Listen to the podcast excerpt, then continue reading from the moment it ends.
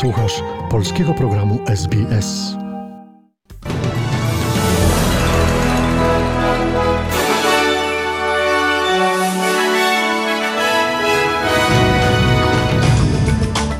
Oto skrót najważniejszych doniesień w niedzielę 16 lutego. Michael McCormack zostaje liderem Nationals w Australii. Napięcie dyplomatyczne na konferencji w Monachium w związku z krytyką światowych przywódców wobec Chin. Andrzej Duda oficjalnie rozpoczął swoją kampanię wyborczą na konferencji Prawa i Sprawiedliwości.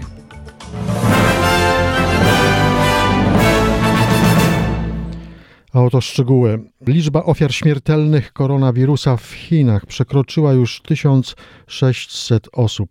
Tak wynika z najnowszych danych. Chińska prowincja Hubei, która najbardziej ucierpiała w epidemii, poinformowała o zgonach 139 osób w ciągu zaledwie ostatniej doby.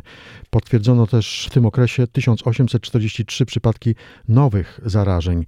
Łącznie w regionie, którego stolicą jest Wuhan, zanotowano 56 249 potwierdzonych przypadków zarażeń wirusa, którego nazwano COVID-19. W całych Chinach nowym wirusem zaraziło się ponad 68 tysięcy osób. Wczoraj poinformowano, że we Francji na COVID-19 zmarła pierwsza osoba poza Azją. Chiński 80-letni turysta leczony był w szpitalu Bichet. Poza Chinami kontynentalnymi na świecie zanotowano na razie cztery przypadki śmiertelne. W Hongkongu, na Filipinach, w Japonii i teraz we Francji. Tymczasem władze Stanów Zjednoczonych chcą ewakuować swoich obywateli z pokładu statku Diamond Princess, tak podał dziennik The Wall Street Journal. Na wycieczkowcu stwierdzono do tej pory 218 przypadków zakażenia koronawirusem. Około 3400 pasażerów i członków załogi statku poddanych jest kwarantannie w pobliżu miejscowości Yokohama w Japonii. Więcej na ten temat Tomasz Sajewicz z Informacyjnej Agencji Radiowej. Dziennik The Wall Street Journal powołuje się na przedstawiciela amerykańskiego Centrum Kontroli i Zapobiegania Chorób. Władze Stanów Zjednoczonych przygotowały około 380 miejsc w dwóch samolotach, które już w niedzielę, zdaniem informatorów dziennika, mają przylecieć do Japonii po pasażerów Diamond Princess. Dwutygodniowa kwarantanna na statku zakończyć się ma w najbliższą środę. We czwartek japońskie władze zezwoliły części pasażerom na dokończenie kwarantanny na lądzie. W pierwszej kolejności na opuszczenie Diamond Princess zezwolono osobom powyżej 80 roku życia z chorobami przewlekłymi oraz zakwaterowanymi w kajutach wewnętrznych bez okien. Wszyscy musieli przejść testy na obecność koronawirusa. Obywatele Stanów Zjednoczonych, którzy po pobycie na Diamond Princess zostaną ewakuowani do USA, będą musieli przejść tam kolejną kwarantannę, pisze The Wall Street Journal. Tymczasem w Australii rząd federalny wyda 12 milionów dolarów na kampanię zachęcającą rodziców do szczepienia swoich dzieci.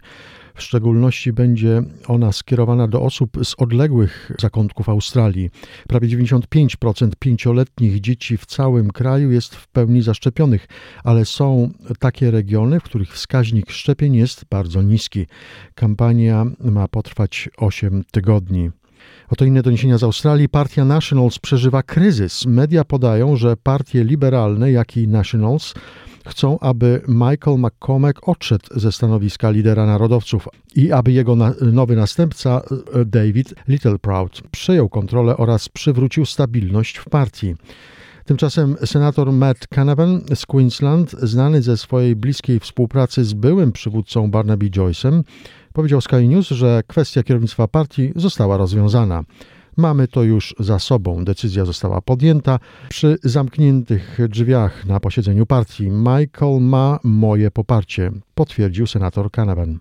We've moved on. It's been a rough couple of weeks, uh, uh, but a decision was made in the party room, and I said the day after the decision, the day of the decision, uh, that, that Michael has my support. He's the elected leader of the party room, and uh, that's what we've got to move forward with. Uh, now, I think it's always the case that it takes longer for the media to move on uh, from these kinds of events than it does political parties because media loves keeps report to keep reporting on it. David Littleproud's a great bloke. He's a nice fella, uh, but Michael McCormack is leader of the Nationals Party, and I expect that to remain so. W południowo-zachodniej części Sydney doszło do tragicznego wypadku. Został zastrzelony nastolatek. Ratownicy zostali wezwani na przedmieścia dzielnicy Miller niedaleko Liverpoolu tuż po 23 lokalnego ostatniej nocy. Nastolatka znaleziona z raną postrzałową w piersiach. Sanitariusze próbowali go ratować, ale zmarł na miejscu zdarzenia. Nastolatek nie został formalnie zidentyfikowany. Początkowo sądzono, że ma zaledwie 16 lat, ale ABC donosi, że miał 18 lat. Przechodzimy do doniesień ze świata. Napięcie dyplomatyczne w Monachium w związku z krytyką światowych przywódców wobec Chin. Rządowi w Pekinie zarzucano w czasie Światowej Konferencji Bezpieczeństwa łamanie praw człowieka i nikczemne działania poprzez spółki telekomunikacyjne. Szef chińskiego MSZ-u Wang Yi zarzucił tymczasem Stanom Zjednoczonym kłamstwa. O szczegółach z Monachium dla informacyjnej agencji radiowej Karol Surówka. Chiński rząd spotkała krytyka już we wczorajszym wystąpieniu otwierającym konferencję. Prezydent Niemiec Frank-Walter Steinmeier zarzucił Pekinowi egoizm i łamanie praw człowieka na potrzeby gospodarcze. W podobnym tonie wypowiadali się w Monachium również inni światowi przywódcy. Do tego stopnia, że dziś rano szef Monachijskiej Konferencji Bezpieczeństwa Wolfgang Ischinger apelował do zgromadzonych o to, by nie tylko krytykowali Chiny, Apelu tego nie posłuchał amerykański sekretarz stanu Mike Pompeo, który niewiele później zarzucił Chinom nikczemne działania przy wykorzystaniu spółek telekomunikacyjnych takich jak Huawei. Zaraz po nim głos zabrał szef chińskiej dyplomacji Wang Yi. Mówił, że te zarzuty są kłamstwem nieopartym na faktach. Zasugerował, że Stany Zjednoczone same są winne tego, o co oskarżają Chiny. W Monachijskiej Konferencji Bezpieczeństwa bierze udział w tym roku wyjątkowo duża delegacja z krajów azjatyckich. Obecni są m.in. ministrowie spraw zagranicznych z Chin, Japonii i Indii. Oto inne doniesienia ze świata. Prezydent Ukrainy dopuszcza możliwość, aby terytoria obecnie kontrolowane przez prorosyjskich bojówkarzy w Donbasie mogły być patrolowane wspólnie przez ukraińskie siły rządowe i oddziały separatystów. Takie patrole, jak wskazał Włodymyr Żełański, byłyby elementem pokojowego uregulowania sytuacji na wschodzie Ukrainy i warunkiem przeprowadzenia tam lokalnych wyborów. O szczegółach z Kijowa dla Informacyjnej Agencji Radiowej Paweł Buszko. O idei wspólnych patroli Wołodymyr Zełenski opowiedział na forum konferencji bezpieczeństwa w Monachium. Jak zaznaczył, ukraińskie władze chciałyby, aby jesienią w Donbasie, tak jak w całym kraju, odbyły się lokalne wybory przeprowadzone zgodnie z ukraińskim prawem. Aby tak się stało, jak podkreślił, w Donbasie w przeddzień wyborów i w czasie ich trwania powinny być rozwiązane kwestie bezpieczeństwa. Takie bezpieczeństwo zapewnić mogą wspólne patrole. Rozmawialiśmy o tym w formacie normandzkim, rozmawiamy też w Mińsku. We wspólnych patrolach będą Ukraińcy, Ukraińcy i przedstawiciele tymczasowo okupowanych terytoriów, ale też przedstawiciele OBWE. Włodymyr Zełenski podkreślił też, że warunkiem przeprowadzenia wyborów jest odzyskanie kontroli nad granicą z Rosją. Ukraiński prezydent zapowiedział, że przygotowywane są kolejne dwie transze wymiany więźniów, w ramach których powrócić ma 200 Ukraińców. Nie sprecyzował jednak, czy wymiana więźniów przeprowadzona ma być z Federacją Rosyjską, czy z nieuznawanymi republikami separatystów. Prezydent południowego Sudanu Salva Kiir postanowił przywrócić podział kraju na 10 stanów. Spełnił w ten sposób główne żądanie opozycji, co otwiera drogę do utworzenia rządu jedności narodowej. Utworzenie takiego rządu przewiduje porozumienie kończące sześcioletnią wojnę domową. Termin powołania gabinetu był dwukrotnie przekładany. Obecny upływa 22 lutego.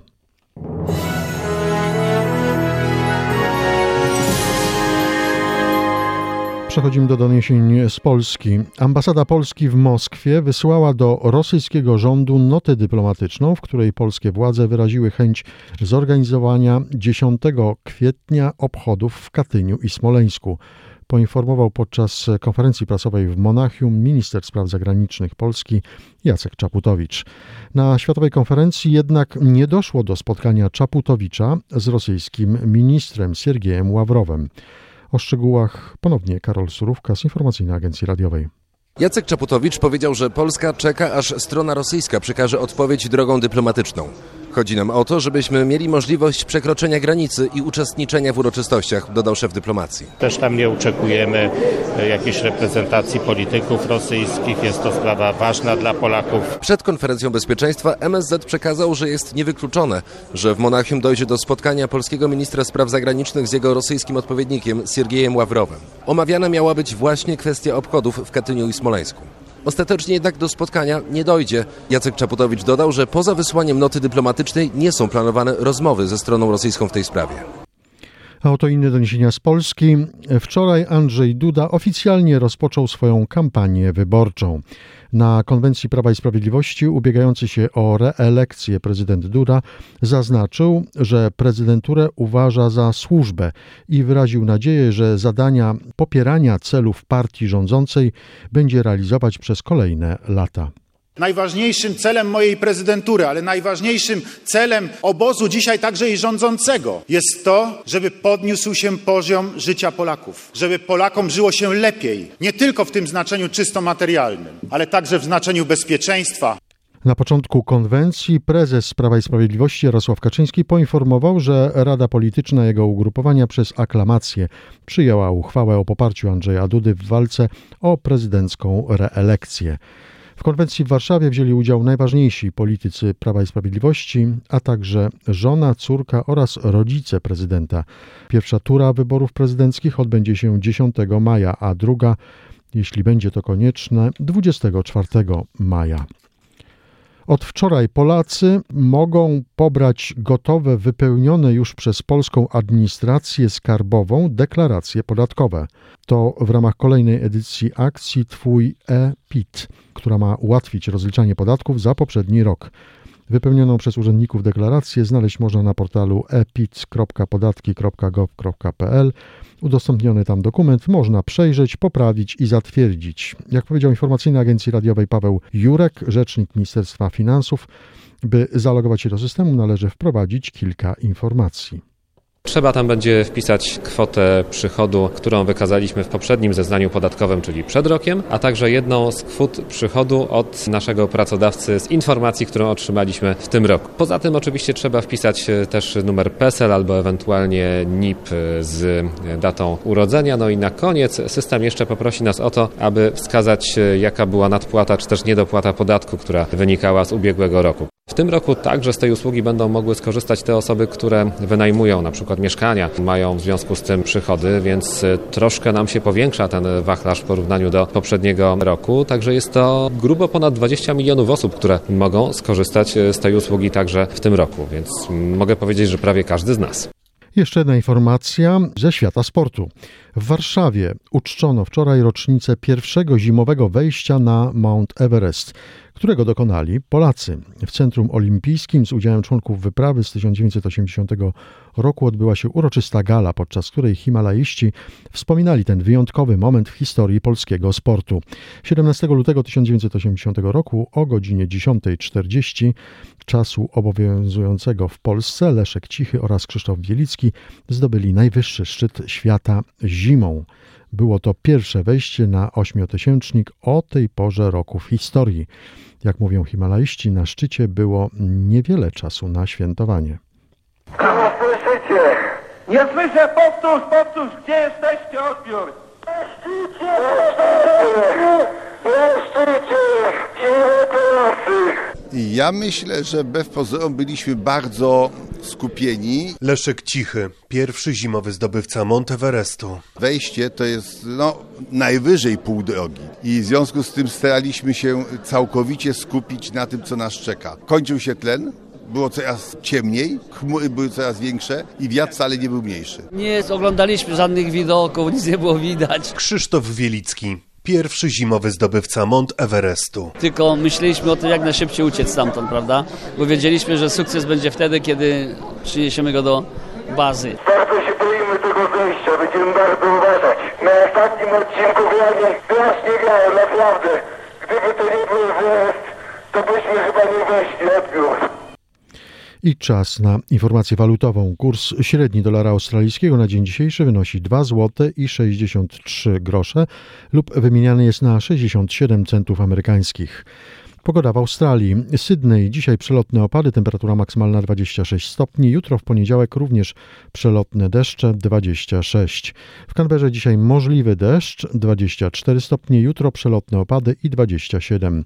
W Melbourne dzisiaj pogodnie 25, w poniedziałek zachmurzenie małe i wilgotno, temperatura maksymalna 28 stopni. A w Polsce dzisiaj zachmurzenie umiarkowane, temperatura maksymalna w ciągu dnia od 4 stopni na wschodzie do 9 stopni na zachodzie kraju. Słuchali Państwo przeglądu wiadomości Radia SBS.